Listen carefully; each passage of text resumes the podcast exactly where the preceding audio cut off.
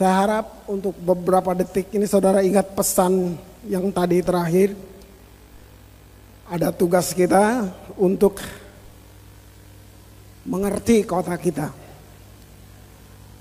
Ini buat kaum saya, para pelayan. Ada banyak gereja di kota, tapi yang perlu ditanya sama mereka, waktu mereka masuk ke kota itu, semua orang bilang kita disuruh Tuhan. Oh saya ke Bali disuruh Tuhan. Tapi setelah kalau mau jujur duduk, yang kita mesti tanya, apakah mereka cinta Bali? Atau mereka cinta berkatnya dari Bali? Itu, itu, itu, itu. Nah, kalau saya melihat, saya pergi ke tempat Pak Frankie, saya pergi ke Palu. Begitu saya duduk, saya bilang, ini kalau bukan pelayanan, nggak mungkin saya suka ke tempat ini. Nah, gitu. Tapi dunia pelayanan atau Tuhan merubah hati kita sampai kita mau ditanam di satu kota. Saya butuh lebih dari empat tahun Sampai Tuhan seperti ganti software di dalam saya. Saya datang ke Ambon tanpa cinta Ambon. Sekalipun saya orang Ambon. Jadi saya menghitung hari. Saudara tahu saya diutus dari Bali ini. Dan saya menghitung bahwa saya akan balik lagi ke sini.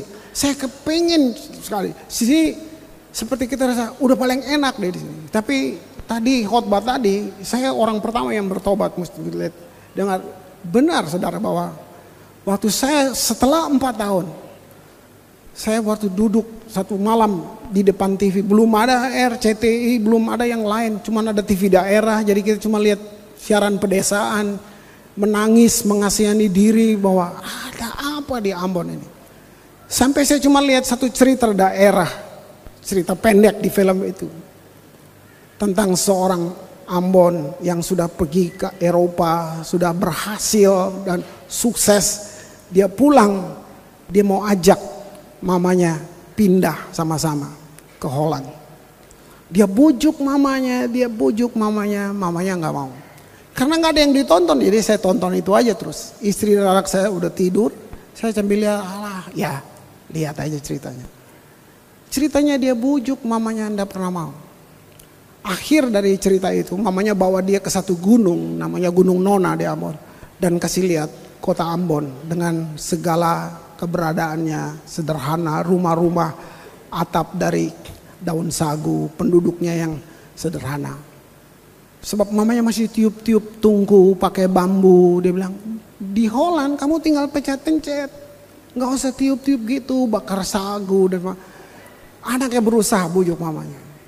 Tapi mamanya kasih lihat kota dari atas gunung. Lalu mamanya bilang gini, kalau kamu cinta negeri ini, kamu mesti mengasihi mereka karena kekurangannya. Saudara, kalau Tuhan bicara, dia pakai bisa tulisan di mana aja sebagai suara dia untuk kita. Saya waktu dengar itu, itu seperti hari itu kayak software saya di dalam hati itu kayak diganti. Saya bisa nangis, nangis sampai TV-nya mati. Tadi saya nonton TV, TV nonton saya sekarang. Nangis, nangis, nangis. Mulai hari itu. Saya tahu Tuhan sudah dalam panggilan perlu namanya intervensi di dalam kita. Sampai kita benar-benar cinta kota itu. Nah kecobaan kedua waktu konflik besar. Itu benar-benar saya sudah di bawah nol ketakutannya. Aduh, apalagi anak saya masih kecil. Kami sudah seperti pengungsi hampir 2-3 bulan ke Banyuwangi, di Bali. Karena saya merasa ini pusatnya dulu saya dari sini. Jadi kita tempat lari, Pak Agus sudah seperti keluarga sendiri sampai kita muter-muter. Tapi karena softwarenya sudah diganti. Itu poin paling terakhir waktu saya ketemu dengan Pak Arifin. Ketemu untuk bilang, saya nggak sanggup lagi. Nah ini perkataan pemimpin. Dia cuma bilang ini, Chris, saya memang gak mungkin suruh sesuatu buat kamu yang saya sendiri tidak buat. Tapi saya mau bilang kamu, kalau kamu balik ke Ambon, itu harimau kembali ke hutan. Saudara saya belum pernah dengar. Jadi hari itu kata itu terlalu indah untuk saya. Saya lawan dia seperti bagus banget. Keren banget nih ini. Kamu bisa berhasil di Jakarta. Tapi kalau kamu ada di Jakarta, kamu hanya harimau di kebun binatang. Orang beli tiket, beli karcis, lihat. Nah, saya wow terlalu bagus untuk saya lawan gitu. Saya, saya nikmati apa yang dia bilang. Kita makan pagi sama-sama, saya istri dengan Pak Arifin dan Ibu Vivi. Tapi kalau kamu balik ke Ambon, harimau ke hutan itu, kuku kamu keluar lagi, Chris.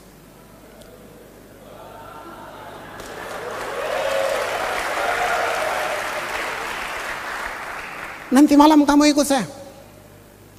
Malamnya pelayanan, saya ikut, saya datang, saya duduk di belakang. Selesai dia khotbah, dia nyanyi. Saudara tahu gembala kita suaranya kan serak-serak menakutkan dan menghancurkan dan ya, saudara mesti tahu kan? Dia nyanyi, dia nyanyi people need the Lord. Saya duduk di belakang. Dia udah habis, dia nyanyi, dia ulang-ulang people need the Lord, people need. Itu kayak saya kayak film di mata saya. Lihat orang Ambon, semua keadaan di Ambon. Saya di belakang nangis lagi. Tadi saya sudah nangis di sana, saya nangis lagi. Saya datang, saya maju ke depan. Saya bilang, besok saya pulang. Saya berangkat dengan istri, kita baru masuk rumah, kita terbang ke Ambon, baru masuk setengah jam masuk rumah di Ambon, telepon bunyi. Waktu saya angkat, Pak Arifin yang telepon. Hei, gimana rasanya harimau kembali ke hutan? Wah, wah. Saya saya saya coba coba coba connect kita tidak tidak janjian. Biasanya kalau saya dengan Yonatan saya mau duluan karena dia lebih pintar gitu. Ya. Tapi baik, saudara saya cuma mau kasih fakta. Ini literatur, saya bedah literatur ini fakta karena karena concern saya untuk gereja, untuk untuk untuk meresapi rock itu meresapi ini ini dosa gereja yang kayak saya buka sebelum saya masuk ke apa pesannya.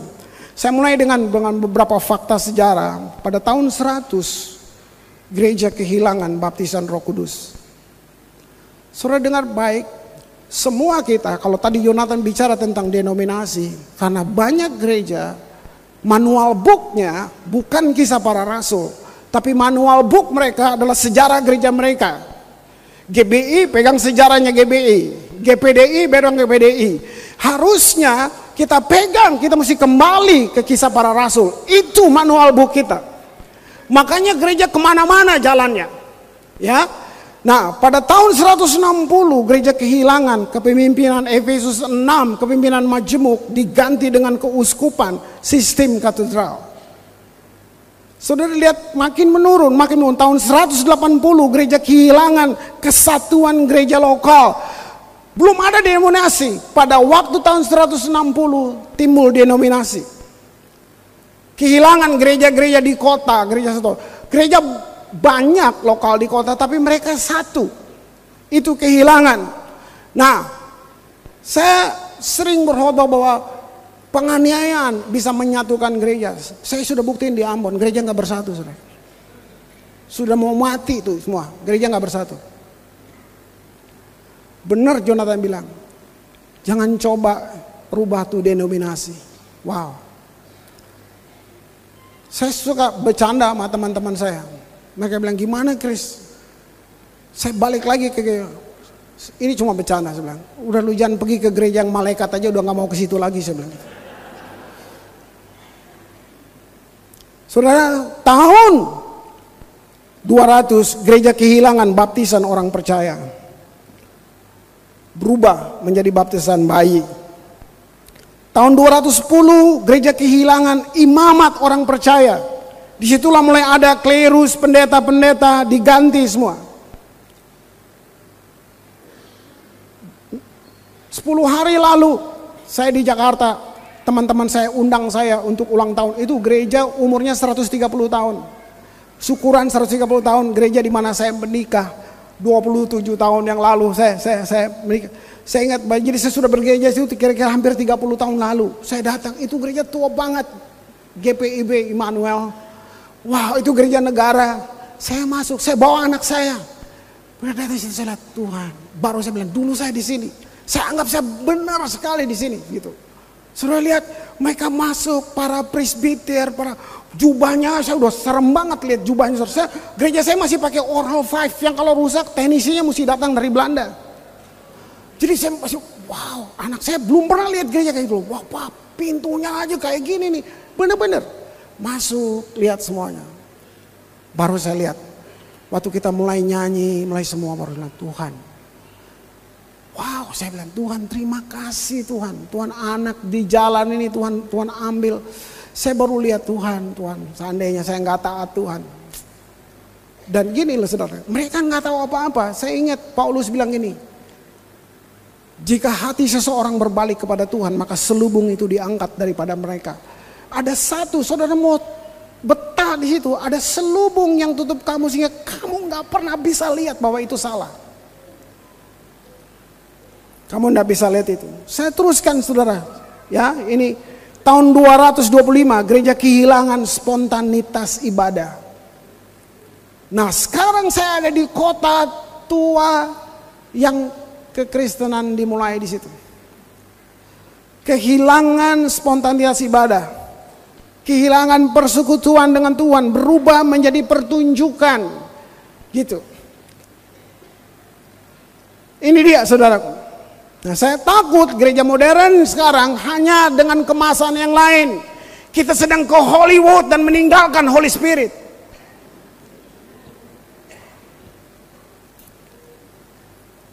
Tahun 240 gereja kehilangan kekudusan. Diganti dengan biara. Untuk jadi kudus harus diisolasi. Tahun 300 itu gereja hilang kekudusan. Kekudusan keluarga yang hilang. Berubah menjadi rahib yang tidak menikah. Terus merosot. Tahun 313 gereja kehilangan seluruhnya. Dan tahun 400 gereja kehilangan kehidupan yang alkitabiah. Kenapa? Kefasikan, kekafiran masuk. Habis. Nah kalau saudara ikut apa yang Jonathan jelaskan kemarin, di situ dijuallah surat-surat pengampunan dosa, doktrin indulgensi ada di situ. Sampai dibilang ini, waktu uangmu berdenting di peti persembahan, namamu tercatat di sorga. Apa yang sejarah catat saudara, setelah itu 1200 tahun gereja ada dalam kegelapan. Gelap 1200 tahun. Nah, Apakah Tuhan diam? Dengan cepat saya sajikan juga. Ini semua literatur. Perjalanan kegerakan Allah. Abad 16 Tuhan bawa kegerakan pemulihan iman dan anugerah. Martin Luther, John Calvin, Agus, semua muncul. Saya nggak akan jelaskan ini semuanya. Tapi yang saya mau bilang ini, pikirkan kegerakan. Dan saya setuju bahwa rock adalah kegerakan, saudaraku. Kita ada dalam kegerakan. Kita sedang dalam kegerakan. Saudara, apa itu movement? Movement itu cuma soal waktu. Kita sedang diproses, diproses. Kita ada dalam masa inkubasi. Begitu Tuhan turun, itu tsunami rohani terjadi. Udah nggak ada KKR, KKR lepas. Satu kali Tuhan turun, itu tsunami. Itu tsunami. Abad ke-17 gerakan pemulihan baptisan orang percaya mulai Tuhan pulihkan lahir gereja-gereja anak baptis. Nah waktu Martin Luther dalam kegerakan dia dianiaya juga oleh gereja. Waktu anak baptis lahir yang aniaya anak baptis gereja yang sebelumnya. Gereja menganiaya gereja. Abad ke-18 gerakan pemulihan kekudusan lahir baru John Wesley. John Wesley dianiaya oleh gereja-gereja di Inggris. John Wesley sampai nggak bisa berkhotbah di gereja dan dia pinjam mimba apa kuburan papanya menjadi mimbarnya dia. Gereja mengenai kita pun kalau kita tidak mau keluar, kalau kita nggak ikut kegerakan, kita bisa jadi pembunuh yang berikutnya. Seperti itu. Abad 19 gerakan pemulihan mujizat kesembuhan. Dengan cepat aja tahun 1901 gerakan pemulihan baptisan roh kudus ini Tuhan kembalikan lagi. Semuanya Tuhan kembalikan lagi. Lahir ke gerakan Pantekosta. Saudara bisa baca bagaimana Wales, saudara bisa baca semuanya. Orang bertobat tanpa ada penginjil yang datang. Kesadaran akan dosa datang di mana-mana. Orang lagi jalan berhenti di pohon-pohon orang berlutut dan berdoa. Saya pernah retreat untuk Mennonite Church, gereja Mennonite. Waktu saya datang di retreat itu, pendetanya orang Batak. Jadi di jalan dia juga pesan gini, Pak, tolong jangan tepuk-tepuk tangan Pak. Kami suka yang senyap-senyap. Terus saya, saya berpikir, kenapa dia undang saya? Terus ya, saya dulu, saya bercanda deh ya, nanti saya senyap di sana. Nah, saya ingat sekali, saya ubah Yesaya 40. Lalu Tuhan-Tuhan bawa saya untuk kasih lihat bahwa kita perlu roh kudus. Sudah sementara saya ubah anak-anak dalam mereka udah nangis-nangis. Udah kacau ruangan itu. Dan mereka keluar dari ruangan itu. Mereka keluar dari Jadi saya belum selesai, mereka sudah keluar. Terus pendetanya lihat bingung, saya juga bingung. Saudara mereka ngapain? Mereka beli pohon-pohon di luar, mereka nangis-nangis di pohon, berlutut, berlutut. Si pendeta jadi, Pak, saya sekolah teologi loh Pak. Pak, saya sekolah teologi. Lalu kenapa? Saya bilang, saya juga nggak ngerti. Saya bilang, ini Pak gimana Pak? Saya bisa dipecat ini. Saya bilang, saya diam aja. Saya belum selesai khotbah saudara. Sampai saya bilang, seperti Tuhan hentikan. Tuhan bilang, sekarang saya ambil alih mereka. Saudara, gereja itu ada di pusat pelacuran besar di Tanjung Priok, gereja Mennonite itu. Pemimpinnya Charles Cristano. Saudara, waktu mereka turun dari bus, gitu, mereka tuh masih mabok, tangannya masih gini, bala bala bala bala bala bala masih jalan, masih jalan ke gereja seperti itu. Anak-anak pergi cari orang tuanya dan minta ampun sama mereka. Satu pemulihan itu yang namanya kegerakan. Kita bergerak dalam kegerakan. Saya lompat saja saudara langsung 990. Ini di zaman kita. Ini yang Pak Arvin bicara dari hari pertama. Ini buat kita semuanya. Itu gerakan pemulihan gereja dalam kepenuhan Kristus. Nah untuk yang poin ini saya pilih satu sisi yang saya concern di sini selama ini dengan kota saya karena Awalnya cuma karena saya tidak tahu mau bikin apa lagi yang lain. Peristiwa 99, saya sudah tidak tahu mau bikin apa lagi yang lain. Kalau mau bilang berdoa, sesudah berdoa sampai yang cara sesat saya buat semuanya. Mau mulai prophetic prayer yang kayak apa? Tancap kayu di gunung, perkat, udah, udah, di laut, udah, udah, udah semua, udah buat semua. Udah saya buat semuanya. Gak berhenti itu perang nggak berhenti. 13 bulan kita berdoa, nggak ada berhentinya tuh perang. Jangan. Nggak ada berhentinya. Kami berdoa, nah waktu itu kita mesti lewat gunung. Mesti, nah ini awalnya terus saya, saya, saya fokus. Dan pertama, hati saya sudah kotor. Kalau saya mau mau khotbah tuh bukan nggak tahu mau khotbah apa, tapi saya tahu saya sedang nggak jujur. Hati saya udah benci banget dengan kota itu. Benci orang-orangnya. Jadi aduh, cuman di depan orang kan kita pura-pura kudus kan. Tapi hati ini saudara kalau berdoa diam-diam tuh kita berdoa gaya Ambon kan udah boleh Tuhan kalau boleh gunung itu terbelah dia terkubur hidup-hidup di sana. Waduh, kita udah kita udah kita udah mintanya yang kayak gitu aja. Kita udah minta yang kayak begitu udah sudah sudah ndak berdoa lembut-lembut lagi gitu. Karena kita nonton seperti itu. Itu tiap hari orang mati dalam hitungan menit. Nah, lalu nggak ada lain satu-satu yang kayaknya masih ada sisa kekuatan. Yuk kita muji Tuhan. Jadi waktu kumpul itu cuma nyanyi, nyanyi, nyanyi. Nah, itu mengkondisikan. Setelah kita lakukan, baru Tuhan bongkar pengajaran satu demi satu, satu demi satu. Sampai kemah Daud, sampai semua. Dan itu semacam apa yang saya pelihara sampai hari ini, yang saya pikir terserahlah mau ke mana. Kalaupun saya tidak tahu yang lain, asal saya nggak jangan sampai saya nggak tahu ini. Coba pikirin baik-baik. Masih pantaskah satu komunitas ilahi disebut gereja tanpa prophetic power? Masih pantas. Ribuan gereja. Saya dikelilingi oleh gereja-gereja seperti itu. Yang umurnya ratusan tahun. Kota nggak berubah. Apanya yang salah? Gereja bisa punya leaders yang keren, program yang keren, tapi nggak ada capacity prophetic, sehingga nggak ada prophetic action, nggak ada.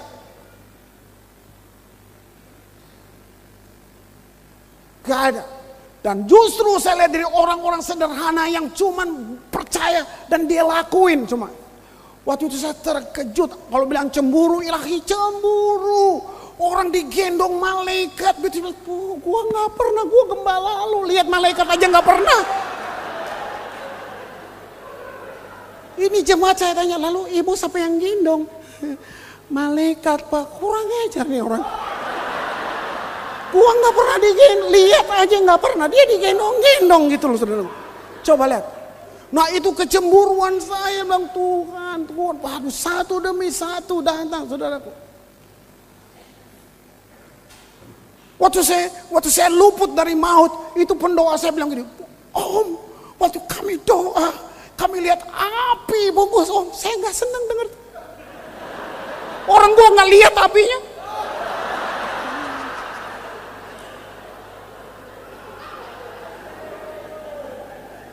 Tapi kok dia bisa lihat?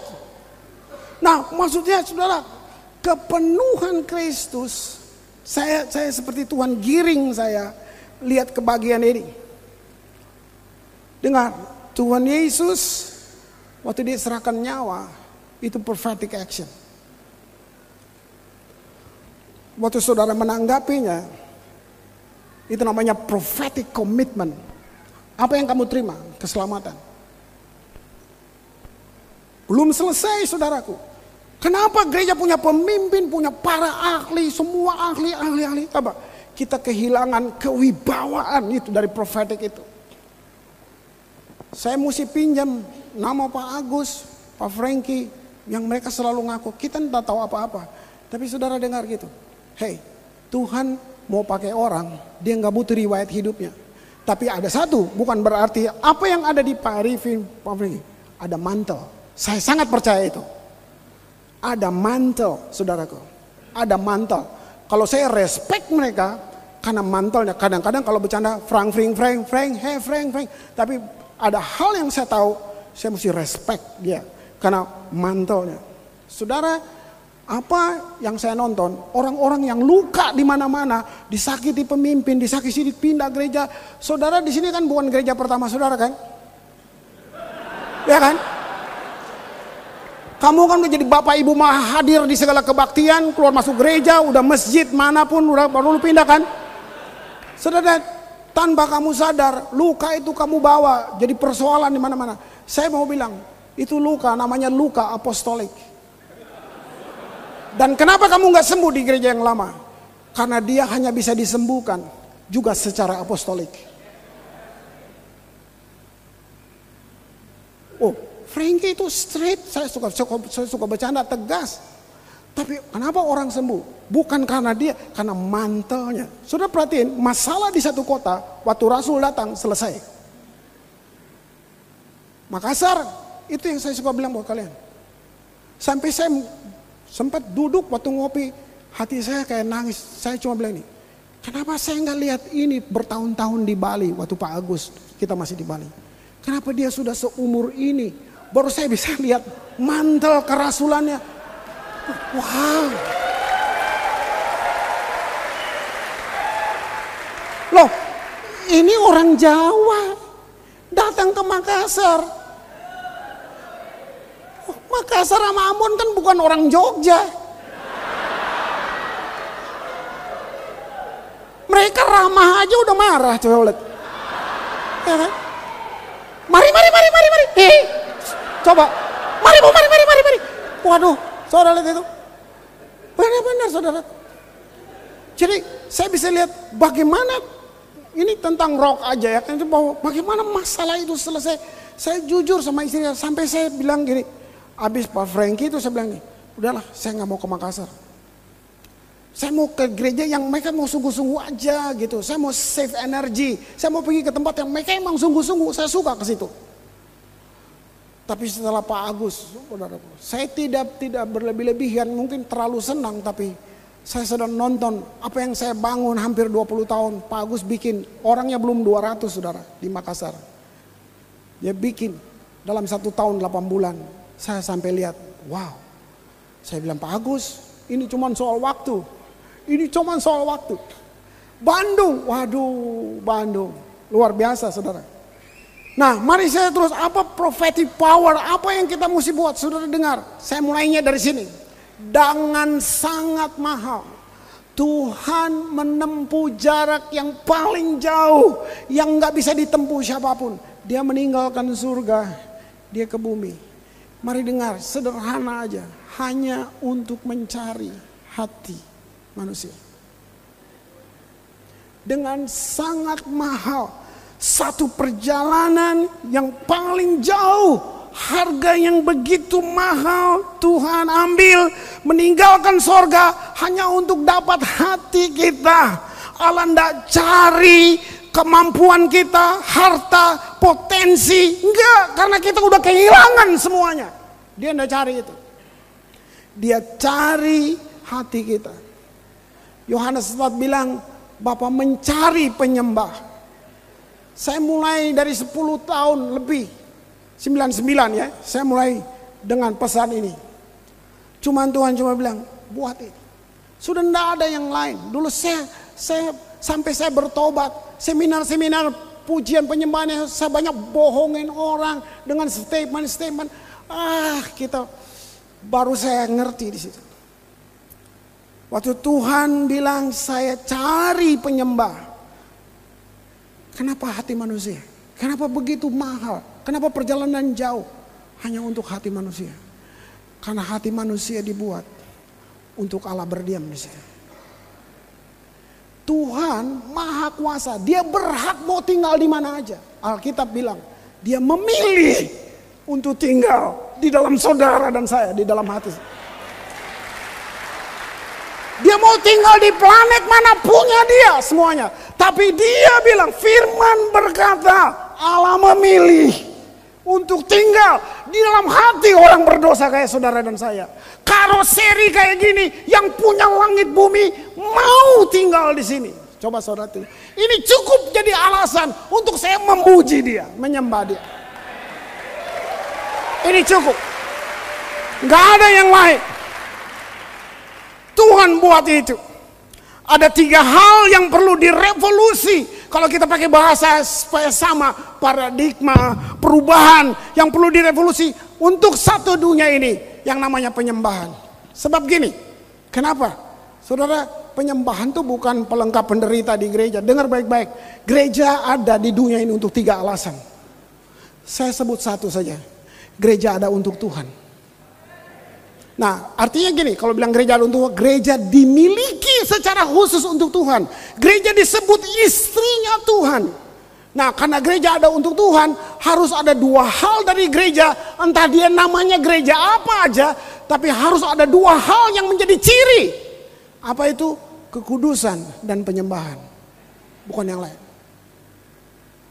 Nah, kita buang ini. Kita buang ini. Kita sedang kembali ke sejarah gereja di atas itu tadi. Wow, tiga hal yang harus direvolusi. Pertama, pola pikir kita tentang hadirat Allah. Bagaimana cara kita masuk ke hadirat Allah? Pengetahuan kekristenan kita bertumbuh, tapi kehidupan kita tidak mengalami perubahan karena kita nggak ngerti ini. Kalau kamu jadi Kristen tanpa pengalaman diubahkan, kamu sedang gagal jadi Kristen.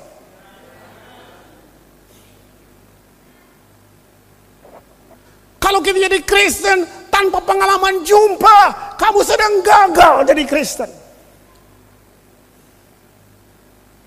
Ini yang perlu kita bawa untuk orang berubah ke sana. Semua orang sudah punya masalah dari Senin sampai Sabtu. Tunggakanlah segala yang belum dibayar, kredit-kredit yang menyusahkan kamu, tagihan-tagihan. Kalau orang berpikir, ayo kita ke rumah Tuhan yuk. Ada solusi di sana. Sampai di rumah Tuhan, rumah Tuhan juga lagi sakit. Rumah Tuhan juga bermasalah. Pengumuman di gereja, mari saudara.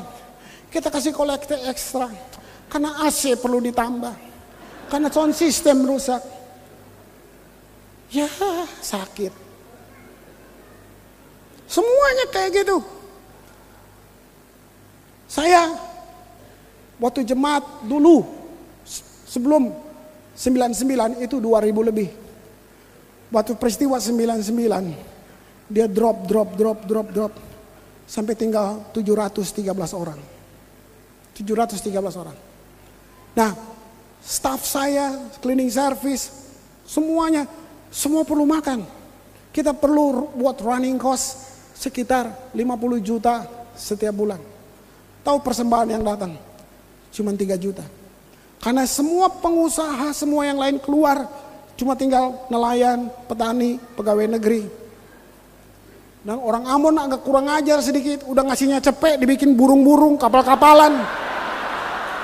Kurang ajar bener.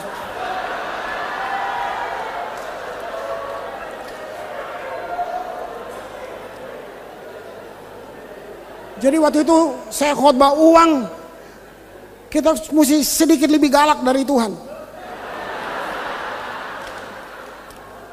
Maksudnya saya bilang, eh, lebih baik kamu jangan kasih, walaupun nggak ada firman, lebih baik lu nggak usah kasih.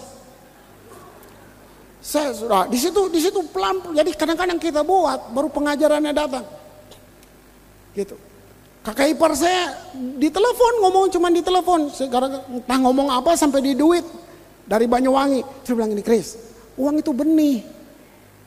Itu referensi saya keluar, uang itu benih. Dan kamu nggak bisa bikin benih. Kamu nggak bisa ciptakan benih. Wow, thank you Richard, thank you banget, thank you. Saya sih, nah, Roh Kudus ngajar. Terus saya mulai bilang, doa persembahan, nggak ada yang WL, yang doa nggak ada. Saya yang berdiri di depan. Begitu mau persembahan, saya bilang ini, nanti duduk saudara. Tuhan tidak perlu uang, tapi gereja itu pekerjaannya Tuhan perlu uang. Saudara perlu uang. Tuhan tidak butuh uang. Tuhan tidak butuh biaya hidup. Satu bintang dia jual, nggak ada yang bisa beli. Saya bilang, nggak ada yang bisa beli. Semua diam, saya bilang, saya cuma mau gini, saya nggak bicara nominal, tapi saya bilang kami selalu buka uang-uang udah jadi burung yang jadi kapal setiap hari Selasa. Saya bilang, saya mau bilang buat kalian, respect, respect. Saya bilang gitu, memberi itu gak saya pakai kakak ipar saya punya kalimat, uang itu benih. Kamu nggak bisa bikin benih. Kamu bisa kawinin mangga sama rambutan, tapi kamu nggak bisa bikin benih mangga. Kamu tahu nggak waktu kamu taruh benih, kamu lihat Tuhan akan lipat gandakan itu. Nah, itu impresi di saya. Jadi kita memberi semua dalam keadaan menyembah, bilang respect. Saya mulai blessing mereka. Mereka beli persembahan. Orangnya 713 saudara. Hari Selasa kita hitung. Jadi 6 juta. Saya bilang gini, emosi. Emosi. Emosi. Emosi. Hari Minggu saya bikin lagi omongan yang sama saya bikin, tapi saya bless mereka. 713 orang, keadaan bom masih saudara di mana-mana. Orang ke gereja masih lewat gunung. Hari Selasa kami hitung dengan orang yang sama. Mereka nggak naik gaji, nggak gajinya nggak naik, pangkatnya nggak naik. Saya nggak bisa terangkan, tapi ini fakta. Hari Selasa berikutnya, waktu saya itu 52 juta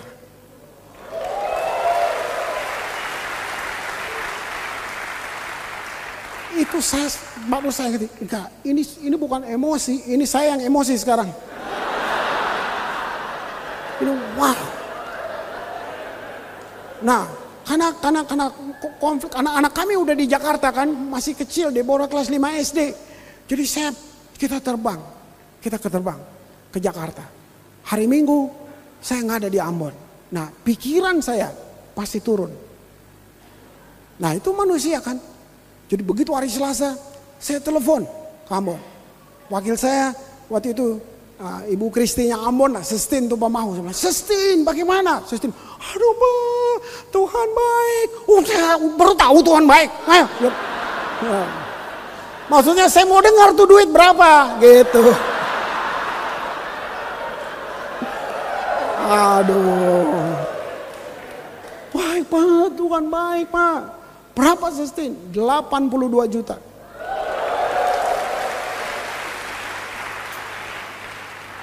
Di kebon jeruk, itu saya di, di, di Jakarta. Saya nggak selalu dengar.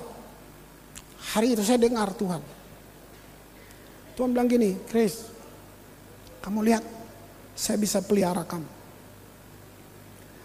Kamu akan diundang ke mana-mana. kamu akan pergi ke bangsa-bangsa. Karena Ambon. Kamu akan cerita tentang Ambon. Saya dengar warning, saya dengar kabar itu senang. Tapi saya dengar peringatan. Berani kamu pakai mimbar. Ceritain Ambon. Supaya kamu dapat uang. Saya tutup kerannya. Jangan kira saya nggak tergoda saya. Daging ini bukan plastik. Hanya berapa bulan orang Maluku di California undang saya. Ada kira-kira 2000 orang Ambon di California. Saya datang. Mereka semua mau dengar tentang Ambon. Wah hari itu nangis, hari itu semua tadi Habis itu mereka kata gini, mau apa? Ah ini. Itu rasanya listnya saya mau ulang. Nih, lu baca sendiri.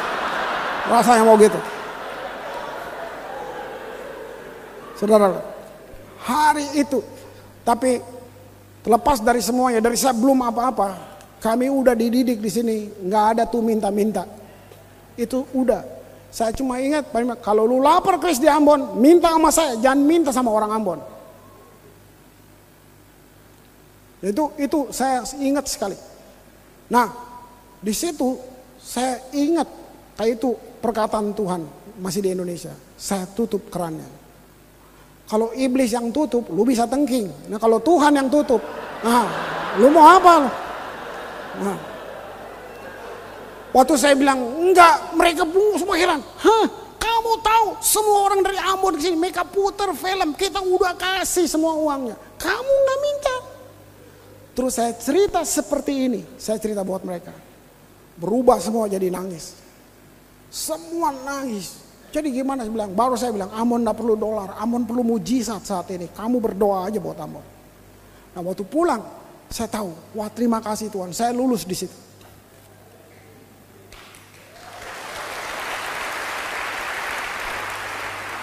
Ini penting, pola pikir kita tentang hadirat Allah. Jadi Tuhan bilang, waktu kamu masuk ke hadiratku, waktu kamu bawa umat menyembah, kamu bawa semuanya, kamu bawa. Saudara-saudara kenapa? Waktu kamu memuji, kamu sedang mengatakan sifat-sifatnya Tuhan. Waktu kamu memuji dan menyembah, kamu sedang menggabungkan iman dan pengharapan. Ini yang kamu perlu tahu. Ini iman, ini pengharapan. Waktu dia naik, dia naik, dia naik, dia naik. Waktu dia ketemu di depan, namanya kuasa. Sampai Tuhan tunjukin caranya dalam ibadah, cara semuanya. Saya rombak, saya menghabiskan 8 tahun hanya duduk dengan semua pemain musik, dengan semua choir. Untuk rubah ini.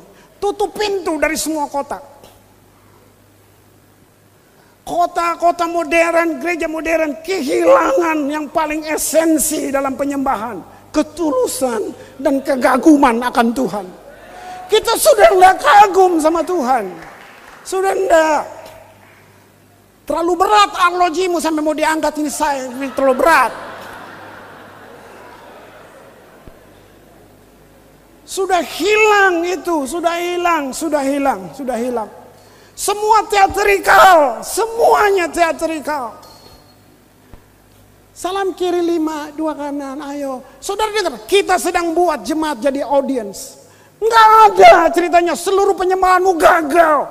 Siapa yang audiens? Surga menonton penyembahan dari bumi. Surga menonton. Waktu kita nyembah, malaikat disuruh diam. Kenapa? Malaikat tidak ditebus. Kamu ditebus. Yes. Saudara, Ini semua dari perenungan, dari saya mau khotbah tuh selasa udah mau khotbah ini Tuhan dan tidak sembah aku. Tuhan dengar, Tuhan maha segalanya. Waktu kamu menyembah, kamu sedang buat yang Tuhan tidak bisa buat. Itu saya shock. Apa Tuhan? Dia nggak bisa menyembah dirinya. Saudara kira menyembah itu biasa. Wow.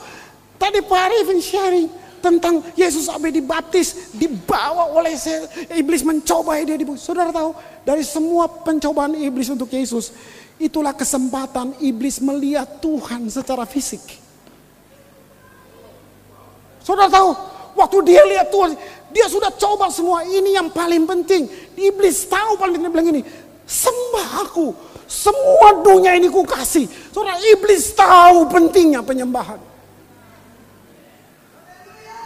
Iblis tahu pentingnya penyembahan. Wah, kamu lihat itu. Wow, Tuhan, saudara, Tuhan bilang buat Musa, Musa, Aku yang bawa kamu keluar. Aku yang tebus kamu dari perbudakan. Aku yang pelihara. Tuhan sedang kasih ingat seluruh kebaikan Tuhan. Lalu Tuhan bilang ini bawa mereka untuk menyembah aku. Saudara hari ini duduk di sini, kamu punya rumah bagus, kamu bisa ke salon, kamu bisa ganti semua yang kamu inginin. Coba mundur 30 tahun dulu, kamu ndak punya apa-apa. Kamu berhutang penyembahan sama Tuhan.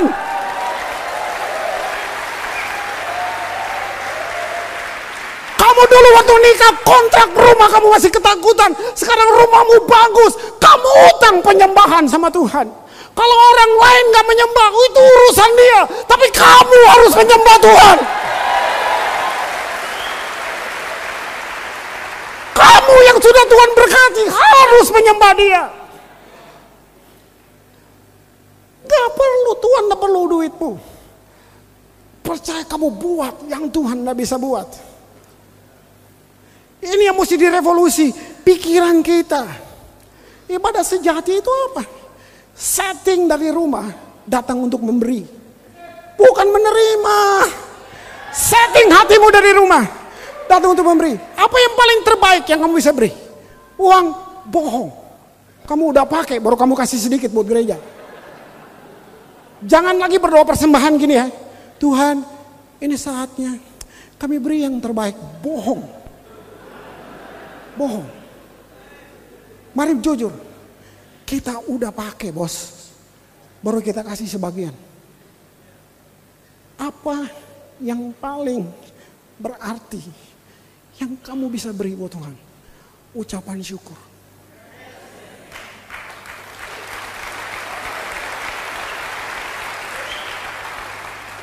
Kalau ucapan syukurmu gagal, seluruhnya gagal. Nggak ada yang terbaik lagi yang kamu bisa beri. Gak ada yang terbaik yang kamu bisa beri. Untuk WL, untuk para singer, saya mau kalian luar biasa, semua kaum profetik di sini, semua yang pelayanan di sini. Mari saya mau bilang, sering kita menganggap kita tergoda atau terjebak bahwa kita sudah tahu hadirat Allah.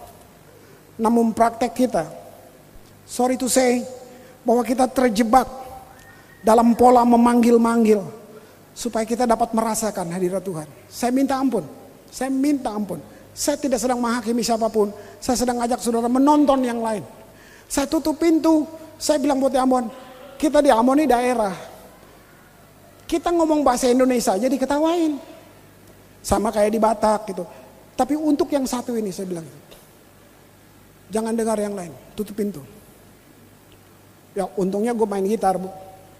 Saya bisa bilang ini, lu semua berhenti, gue besok main gitar sendirian. Nah, saya bisa gitu.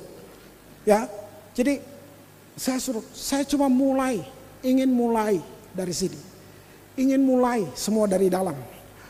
Dengan mereka tuh, spend time dengan mereka, equip mereka. Secara teologis, well well, kadang-kadang ngerti. Eh, mari saudara, ini di Jakarta. Kita menyembah supaya Tuhan lebih hadir lagi. Salah banget saudara. Bahkan Tuhan tidak hadir karena kamu nyembah. Tuhan hadir karena dia janji. Di mana dua tiga orang berkumpul demi namaku. Aku hadir. Jadi men, saudara, saudara pikir Tuhan perlu di welcome? Ini rumah dia. Dia nggak, oh Tuhan nggak perlu di welcome. Saudara pikir dia, ini rumah dia, dia mau hadir. Wow, waktu saya mulai, saya mulai bangun dengan mereka dan ini yang yang saya perlu saudara ngerti. Penyembahan nggak bisa dipaksa. Penyembahan nggak boleh disuruh. Nah WL buat itu. WL tergoda ingin lihat manifestasinya. Sebenarnya gini, kalau saudara menyembah, penyembahan terjadi karena kamu punya hubungan dengan Tuhan. Jadi bukan tugas WL, Bukan tugas WL, itu tugas saya sebagai gembala untuk bawa orang berhubungan dengan Tuhan. Akan terjadi penyembahan. Dalam ledakan penyembahan dia. Tugas saya, saya mau khotbah apa pun saya pusing masuk ke penyembahan. Bukan tugas WL. Nah WL, dosanya di sini. Gembala kasih beban ibadah raya buat WL. Makanya dia udah sakit perut tuh dari hari apa juga udah sakit perut. Karena habis itu kan kita nggak naik. Emang mau dinaikin apanya? Kamu nggak ngangkat, mau angkat apa? Sudah lihat itu? Kita ndak equip dia. Kita, saya sampai panggil saya bilang, kalau seluruh jemaat nggak nyanyi, kamu nggak salah. Yang penting kamu jangan suruh dia nyanyi. Saya jamin dia, saya jamin dia, saya kasih dia rasa aman. Kamu ndak salah. Yang saya nggak mau, jangan komentar. Saudara dengar, ini ini, saudara tahu nggak? Waktu kamu worship, rohmu dan roh Tuhan berkasih kasihan. Saudara dengarin, dengar baik-baik. Dari mana itu terjadi? Eh, musik penyembahan sudah ada sebelum dunia dijadikan. Saudara mesti tahu, itu itu saudara mesti itu tuh waktu penyembahan kamu menembus surga, artinya frekuensinya ketemu. Nah untuk ini Orang harus diubah dulu. Kalau kamu punya hubungan dengan Tuhan, waktu kamu nyanyi, kata-kata lagu itu berbicara buat kita. Makanya kamu perlu setuju dengan kata-kata di depan. Itu lagu dibuat nggak sama kamu waktu kamu setuju, lagu itu sudah ngomong. Sementara lagu ngomong, si WL komentar lagi, kasih nasihat lagi di depan. Hah, dia mau lebih berhikmat dari Rasul Paulus.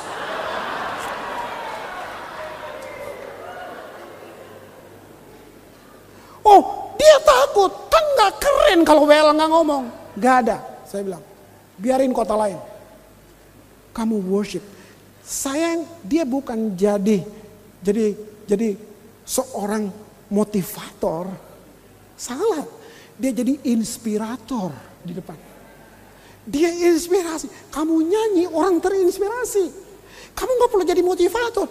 Makanya soal lu rusak. Karena entah lu mau jadi pengkhotbah lah, mau jadi apa lah di depan sini. Lu udah ambil porsi semua orang yang mau khotbah di sini. Saudara bisa lihat itu, kamu bisa nggak begitu kamu nyanyi pam, kamu touching heaven. Kamu langsung pegang surga. Saudara lihat ini. Nah, kita ter, apa kita terjebak dengan pola memanggil-manggil Tuhan. Tuhan kasih tahu saya, saudara dengar, itu penyembahan Baal. Mereka berteriak dari pagi sampai petang, panggil, panggil Tuhan, mereka panggil. Elia cuma bilang kurang keras. Oh lagi jalan-jalan kali Tuhan lo katanya. Saudara bayangin 450 Nabi Baal mereka panggil-panggil. Saya sudah berkali-kali baca itu. Hari itu waktu waktu Tuhan ngajar saya. Waktu sampai di gini. Mereka menoreh dengan pedang sampai berdarah. Roh Kudus kasih tahu. Darah itu mereka coba mencari perhatian Tuhan dengan darah itu. Mereka coba buat itu. Elia nggak bikin apa-apa. Elia tunggu. Kalau kita pakai bahasa gaul sekarang, udah nyerah, udah, udah giliran gua ya. Nah, apa yang Elia buat? Dia cuma bilang supaya mereka tahu ada Tuhan di Israel. Wow, wow. Elia cuma nyanyi, saudara, saudara percaya gak? Saudara cuma cuma nyanyi, saudara cuma nyanyi. Tinggal sertaku kawan. Saya percaya Tuhan, kamu nyanyi salah aja Tuhan bisa lawat kok.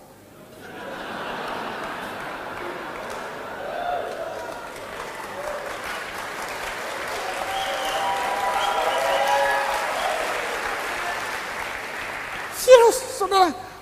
Waktu saya bilang gitu, Elia cuman bilang itu. Tapi ini nih, ini kuncinya di sini. Kalau tadi Joe bilang tentang Elisa, apa yang dibuat Elia? Mesbah dipersiapkan. Ini yang saya maksud. Mesbah ini tempat hubungan. Mesbah ini tempat segala. Seluruh mesbah, kalau orang berdosa, dia pasti mati.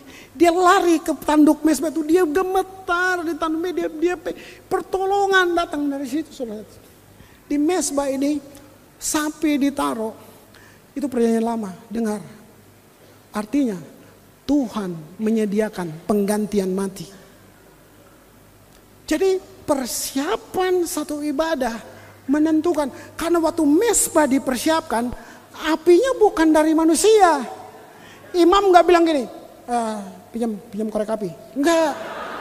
Dia cuma siapin, korban udah disiapin, mereka tunggu. Api turun, tanda Tuhan respon atas persiapan mesbah itu. Ini dia. Ini dia. Saya mulai berubah semua. Semua pemain kalau kamu latihan, kita pakai istilah menghormati altar. Lu jangan latihan kayak pemain band. Kalian imam.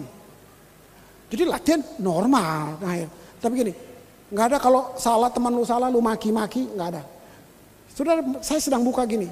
Bisa jadi Tuhan sedang menikmati persiapanmu. Bukan hari Minggu. Jadi waktu lu latihan, lu tahu ada Tuhan juga di situ. Jadi kalau latihan, latihan yang benar, ngasih tahu yang enak. Jadi kalau WL saya udah kesel karena falsa, kalau dia bilang haleluya, itu dia kesel tuh. Itu dia kesel tuh. Cuman daripada dia maki-maki, ya kan? Nah gitu kan. Nah, jadi saya duduk dengan mereka dan what? Kameramen, multimedia, soundman, duduk semua di situ.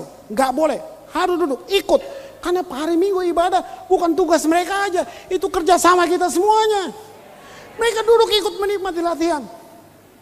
Nah itu, saudara saya sudah buat ini, sudah lebih dari 10 tahun. Enggak, enggak, saya enggak, enggak, enggak, enggak ada target. Enggak, enggak ada target. Enggak ada target. Mau rekaman lah. No, no, no, no. It change. Begitu lu rekaman lu pasti bikin kartu nama besoknya, percaya gue lah. Saudara itu. Nah, ini ini ini kita ada kerancuan pemahaman. Saudara lihat itu, apa tuh? Masuk hadirat Allah dengan pujian penyembahan atau oleh pujian penyembahan? Kita kita kita kerancuannya di situ. Enggak. Saudara masuk hadirat Allah dengan darah Yesus. Jadi penyembahan apa? Penyembahan itu hadiah waktu kita datang ke hadirat Allah. Penyembahan itu kado. Saudara. Wow, saudara tahu kamu main itu buat raja. WL saya Michael sedang ambil S2 di UI. Hari ini dia cuma nangis ya. Orang ini servis dia, orang ini kasih dia rumah untuk tinggal, orang ini urus dia. Semua orang-orang yang yang datang ke Ambon dan lihat dia waktu tahu Michael di Jakarta. Michael, terus Michael bilang, Om, saya kayak gini. Terus saya begini, Michael, mari dengar saya bilang. Bertahun-tahun kamu cuma nyanyi untuk rajamu. Tiap minggu kamu hanya nyanyi untuk rajamu. Saya mau bilang, kalau kamu biasa di depan raja, kamu akan biasa dengan fasilitas raja. Kamu akan dapat istananya raja. Kamu akan dapat dompetnya raja. Ini waktunya. Kamu nggak minta, cuman orang yang diberkati dengar kamu. Mereka akan buat itu. Ini yang dibilang. Kamu semua nyanyi, saya nggak percaya kalian nyanyi untuk raja dan hidupmu biasa-biasa. Saya nggak percaya. Saya nggak percaya. Saya nggak percaya. Saya nggak percaya.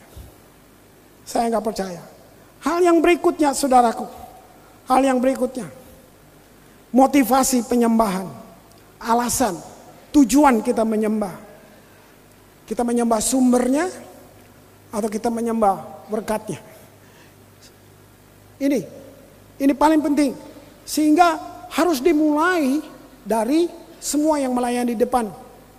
Saya, saya saya suka kreativitas, saya suka liar. Saya sama Roni, saya rasa kita punya sertifikat liar gitu, kayaknya gitu, ya. Saya saya saya tapi Tapi mari, mari saya dapat satu hal. Kreativitas, semakin kamu kreatif, semakin kamu kayak Tuhan. Percaya, keren kalian.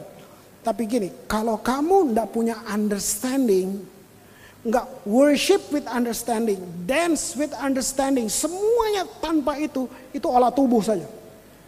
Begini, begini, begini. Bagaimana waktu kamu salto terus orang lumpuh jalan di sana? Itu keren. Itu darah. Bagaimana lu nyanyi dan orang terjamah di sana? Itu yang saya mau. Itu maksud saya. Kreativitas harus karena itu atribut yang Tuhan taruh. Dari semua atribut yang Tuhan taruh, dia cuma ambil tiga yang bikin dia berbeda dengan manusia. Maha hadir, maha kuasa, maha tahu. Selebihnya atribut dia di dalam kita. Kita serupa dengan dia. Saudara, kalau saya bilang tadi, malaikat hanya makhluk kudus.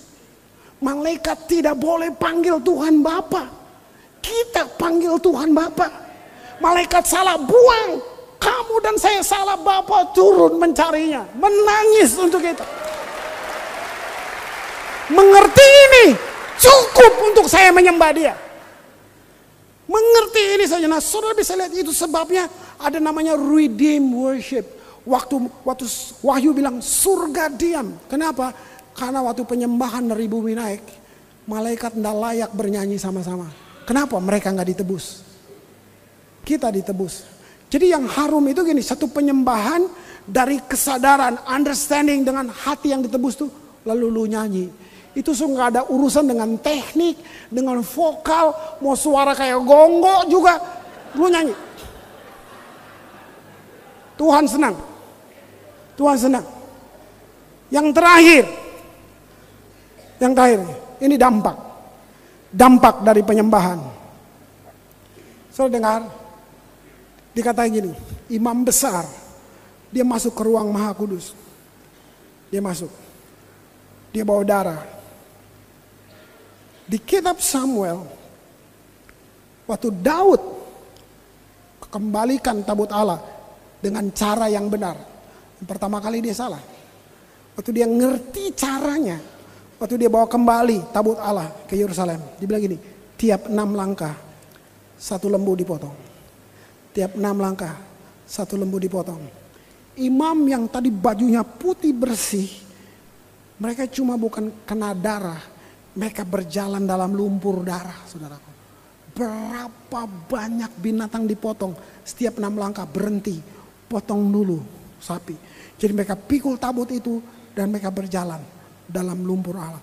Di sini dibilang ini, Daud menyembah, Daud menari, Daud buat semuanya. Saudara, jalan ini, waktu imam ke ruang kudus, dia sedang bawa darah. Saudara dengar, saudara tahu apa dampak buat saudara waktu dia bawa itu. Dosa satu bangsa, dosa satu bangsa saudara. Tuhan beresin di ruang maha suci. Mari saya bilang, Yesus waktu mati, dia bawa darahnya juga. Bukan darah binatang. Dia imam besar, dia bawa darahnya ke surga. Gak sederhana.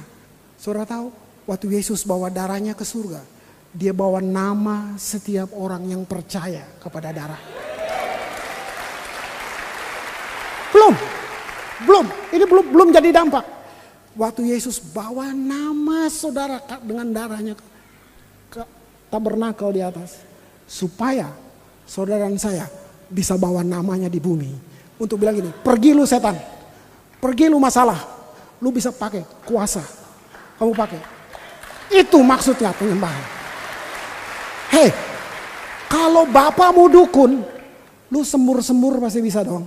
Ya kan? Kalau bapak kita dukun, kita juga sakti. Kita bisa, bisa lah tiup-tiup dikit. Kamu nyanyi, kamu anak raja. Lu bilang Tuhan lu hebat, jerawat aja nggak sembuh.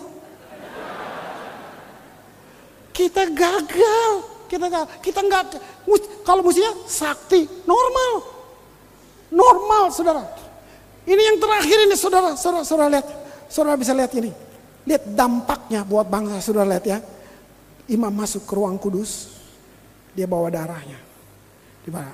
Selesai, saudara tahu dia dengar Tuhan audible ngomong di situ. Apa yang terjadi? Perubahan apa yang terjadi? Dia masuk sebagai imam di depan Tuhan. Dia balik keluar sebagai nabi. Dia ngomong buat orang banyak. Waktu kamu menyembah Tuhan sebagai imam di depan Allah, kita menyembah Dia sebagai imam. Di depan kota, di depan publik, kita menyembah Dia sebagai nabi. Apa yang kamu sedang bilang? Perkataan penyembahanmu akan merubah situasi ini. Saudara satu pendeta sampai bilang gini, Hey Chris, iman timbul dari pendengaran akan firman Allah. Bukan dari pujian dan penyembahan. Saya lihat dia bilang itu 100% benar. Saya bukan menyembah supaya saya dapat iman. Saya dapat iman waktu saya dengar khotbah. Saya baca firman Tuhan. Saya dapat iman. Tapi waktu saya menyembah. Saya pakai iman untuk menyembah. Waktu iman kamu pakai untuk menyembah. Penyembahanmu menjadi penyembahan berdaya cipta. Pujianmu menjadi pujian berdaya cipta. Saya tutup dengan ayat ini Mazmur 67. Lihat ayat 3 sampai 5. Ya. Sa, lihat ini Mazmur 67 ayat 3. Semoga bangsa-bangsa memujimu. Ya Allah, semoga semua bangsa bersyukur kepadamu. Semoga semua bangsa bersorak gembira dan menyanyi dengan sukacita sebab engkau memerintah dengan adil dan membimbing setiap bangsa di bumi. Semoga bangsa memujimu ya Tuhan. Semoga semua bangsa bersyukur kepadamu. Saya mau bilang ada hal yang diajarkan, tapi ada hal yang ditularkan. Waktu gereja menyanyi dengan iman, gereja sedang bersyafaat di dalam nyanyian, gereja sedang bersyafaat dalam penyembahan. Kita bukan cuma berdoa, tapi satu doa yang dinyanyikan. Saudara sedang gabungkan iman dan pengharapan. Saat itu nyanyianmu penuh daya cipta. Nyanyianmu sedang merubah kota, sedang merubah semuanya. Nyanyianmu sedang merubah. Ini prophetic worship. Nyanyian syafaat yang berotoritas. Saya belum capai, tapi saya bilang Tuhan sampai saya perlu ngalamin ini sebelum kamu panggil saya. Saya mau ngalamin ini. Ini akan mengubah saudara bukan jadi saksi sejarah, kamu menjadi pembuat sejarah. Maliaki bilang begini, Maliaki ditutup dengan begini, maka aku akan membuat Yehuda seperti anglo berapi. Saya nggak anti KKR, saya nggak anti outreach. Tapi dia begini, aku membuat Yehuda seperti anglo berapi. Apinya akan menjilat bangsa-bangsa, akan menjilat semua orang datang. Apa Yehuda? Pujian. Oh saudara, kalau kamu worship dengan understanding, kalau kamu bikin semua dengan pengertian, kamu lihat, nggak perlu buktiin bahwa kamu diurapi. Jangan tergoda membuktikan gitu, Maya, nggak perlu, kamu sudah diurapi. Pakai Pak Arifin punya cerita tadi di bukit itu. Iblis kan bilang gini, kalau engkau anak Allah, dari mana dia tahu? Dia baru dengar lima menit yang lalu. Suara dari surga. You are my beloved son. Iblis baru dengar. Si begini, kalau engkau anak Allah, rubah batu ini jadi roti. Tergoda nggak Yesus? Enggak. Yesus nggak perlu buktiin bahwa dia anak Allah. Pengakuan itu tadi udah cukup. Kalau Kris Manu sama ditanya gitu, jangankan batu jadi roti, jadi hamburger gue buat. Kita kepengen buktiin bahwa kita diurapi. Nggak perlu bos. Nyanyi aja. Nyembah dengan sungguh-sungguh. Kamu akan lihat. Mau nggak? Mau nggak? Sudah lihat. Sudah lihat satu. Hana, perempuan mandul. Pakai cerita tadi, mandul artinya tidak produktif. Dihina oleh bangsanya. Perempuan ini mandul. Hana nyembah di bait Allah. Gembalanya datang ini, Kenapa? Mabok. Kalau gembala lu nanya gitu lu masih balik gak ke gereja? Alkitab saya bilang gini, keesokan harinya sujudlah Hana menyembah Tuhan. Suruh dengar, Hana cuma minta anak supaya dia nggak malu. Hana cuma minta anak supaya nggak dihina. Tuhan kasih nabi. Samuel lagi. Mari, anak musik, maukah kamu menjadi yang satu-satunya malam ini? Cuma bilang, mari Tuhan. Ada Tuhan di sini. Kita sedang dalam pergerakan. Kota seni udah balik.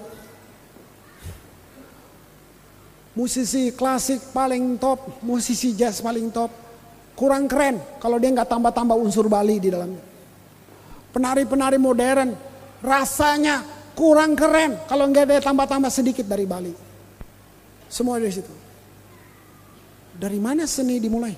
Dari mereka? Apa harus keluar dari gereja? Saya bedah buku-buku seni. Apa itu Renaissance? Apa itu zaman Barok? Apa itu Bach? Saudara, seni keluar dari gereja. Sebelum ada sebelum sebelum sebelum ada pengaruh gereja, dunia nggak punya seni, nggak ada, nggak ada. Peradaban kacau, anak boleh dibakar hidup-hidup, nggak ada. Manusia jadi jadi obor. Seni keluar dari gereja. Kristen, Kristus telah membawa perubahan besar dengan semuanya. Coba lihat. Penyanyi top-top semua keluar dari gereja. Saya mau bilang buat saudara. Kita yang mengubah. Inilah kalau dibilang saya sampai bordir-bordir rock tuh karena kenapa? Kalau saya pikir bukan gereja ini yang rock. Semua Kristen must be rock. Semua kita representatif. Mari saya bilang ini, jangan latah, jangan ikut nyanyi. Dengar dulu mereka nyanyi. Kalau kamu setuju dengan lagu itu, kamu boleh ikut nyanyi. Oke? Okay? Mari Maya. Oh, Oke. Okay. Ya. Coba kalian main musik. Saya nggak mau komando. Coba saudara mulai latih. Kalau nggak kita sepanjang tahun berdiri disuruh, duduk disuruh, tepuk tangan disuruh, itu sekolah minggu.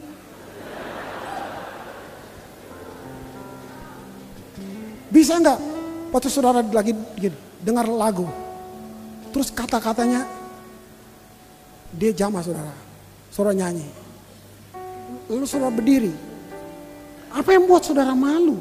Ih, cuman saya sendiri kenapa kamu malu mas? Kamu nggak minta beras di rumah dia? Kamu nggak minta apa? Pastinya kalau kita keluarga, kita nggak perlu malu. Saya berdiri untuk dia yang kasih napas, yang kasih semuanya. Ini understanding. Mulai dari yang kecil, saya mau bilang saudara, kamu lihat tiga bulan dari sekarang. Kalau kamu pegang ini, kamu lihat. Jangan sebut saya hamba Tuhan. Kamu lihat, kamu lihat ledakan satu penyembahan yang berdaya cipta.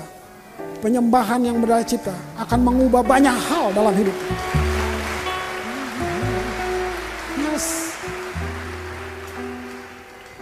Tundukkan kepalamu.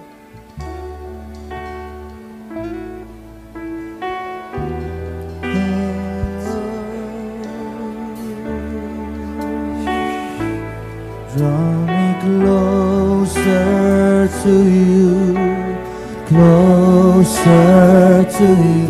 Draw me closer to you, closer to you. Draw me closer to you, closer to you. Draw me closer to you. Closer to you, draw me closer to you, closer to you, draw me closer to you, closer to you, closer to you, closer to you, closer to you, closer to you.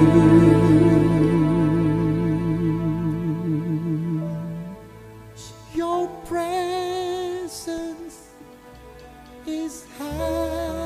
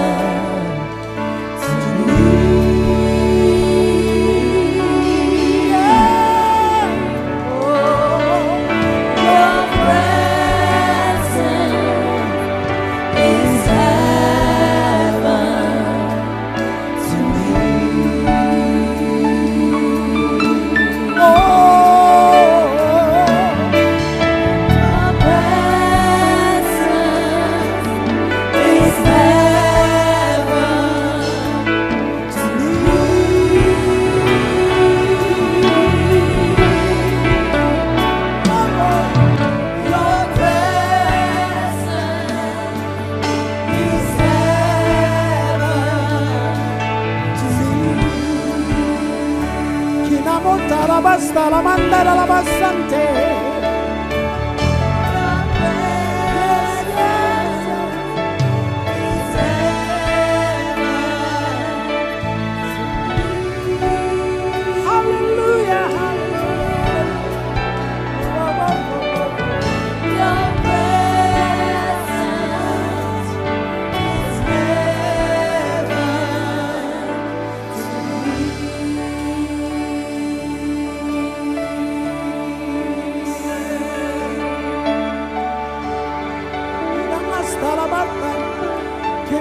mashidi biando fidala pera masti la maste kina mashanda la maste donda bapro gente kira la banana enda mote kera basita tira la basante fura batte la batte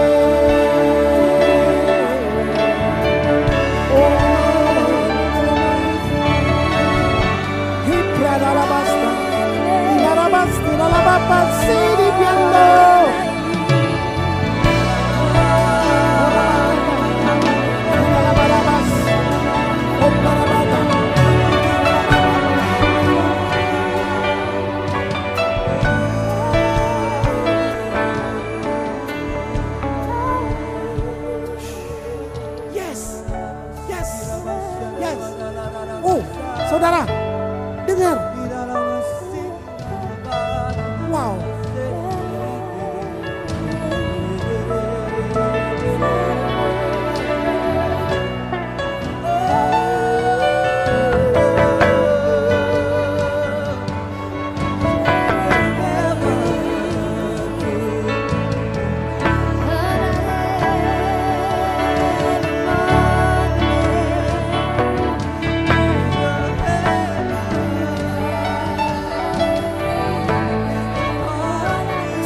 rasa air itu. Saudara bisa rasa air itu mengalir dari sini. Saudara bisa rasa itu. Oh, apa?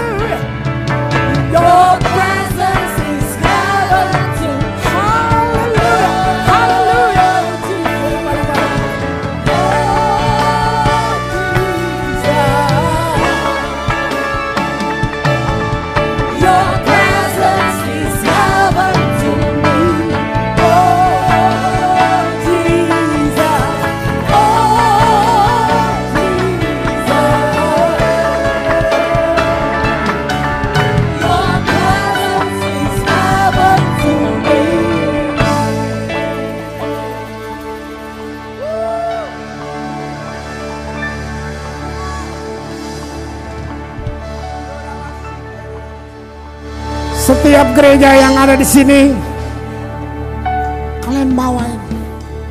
Kalian bawa ini. Saya melihat api di pulau-pulau. Saya melihat api di pulau-pulau, saudara. Nggak bisa. Nggak ada yang bisa kalahkan Tuhan. Api di pulau-pulau. Api di pulau-pulau. Api di pulau-pulau. Api datang. Bawa saudaraku. Bawa. Kecil, tapi apinya Tuhan besar dengan kamu. Kamu, kamu. Dalam nama Yesus.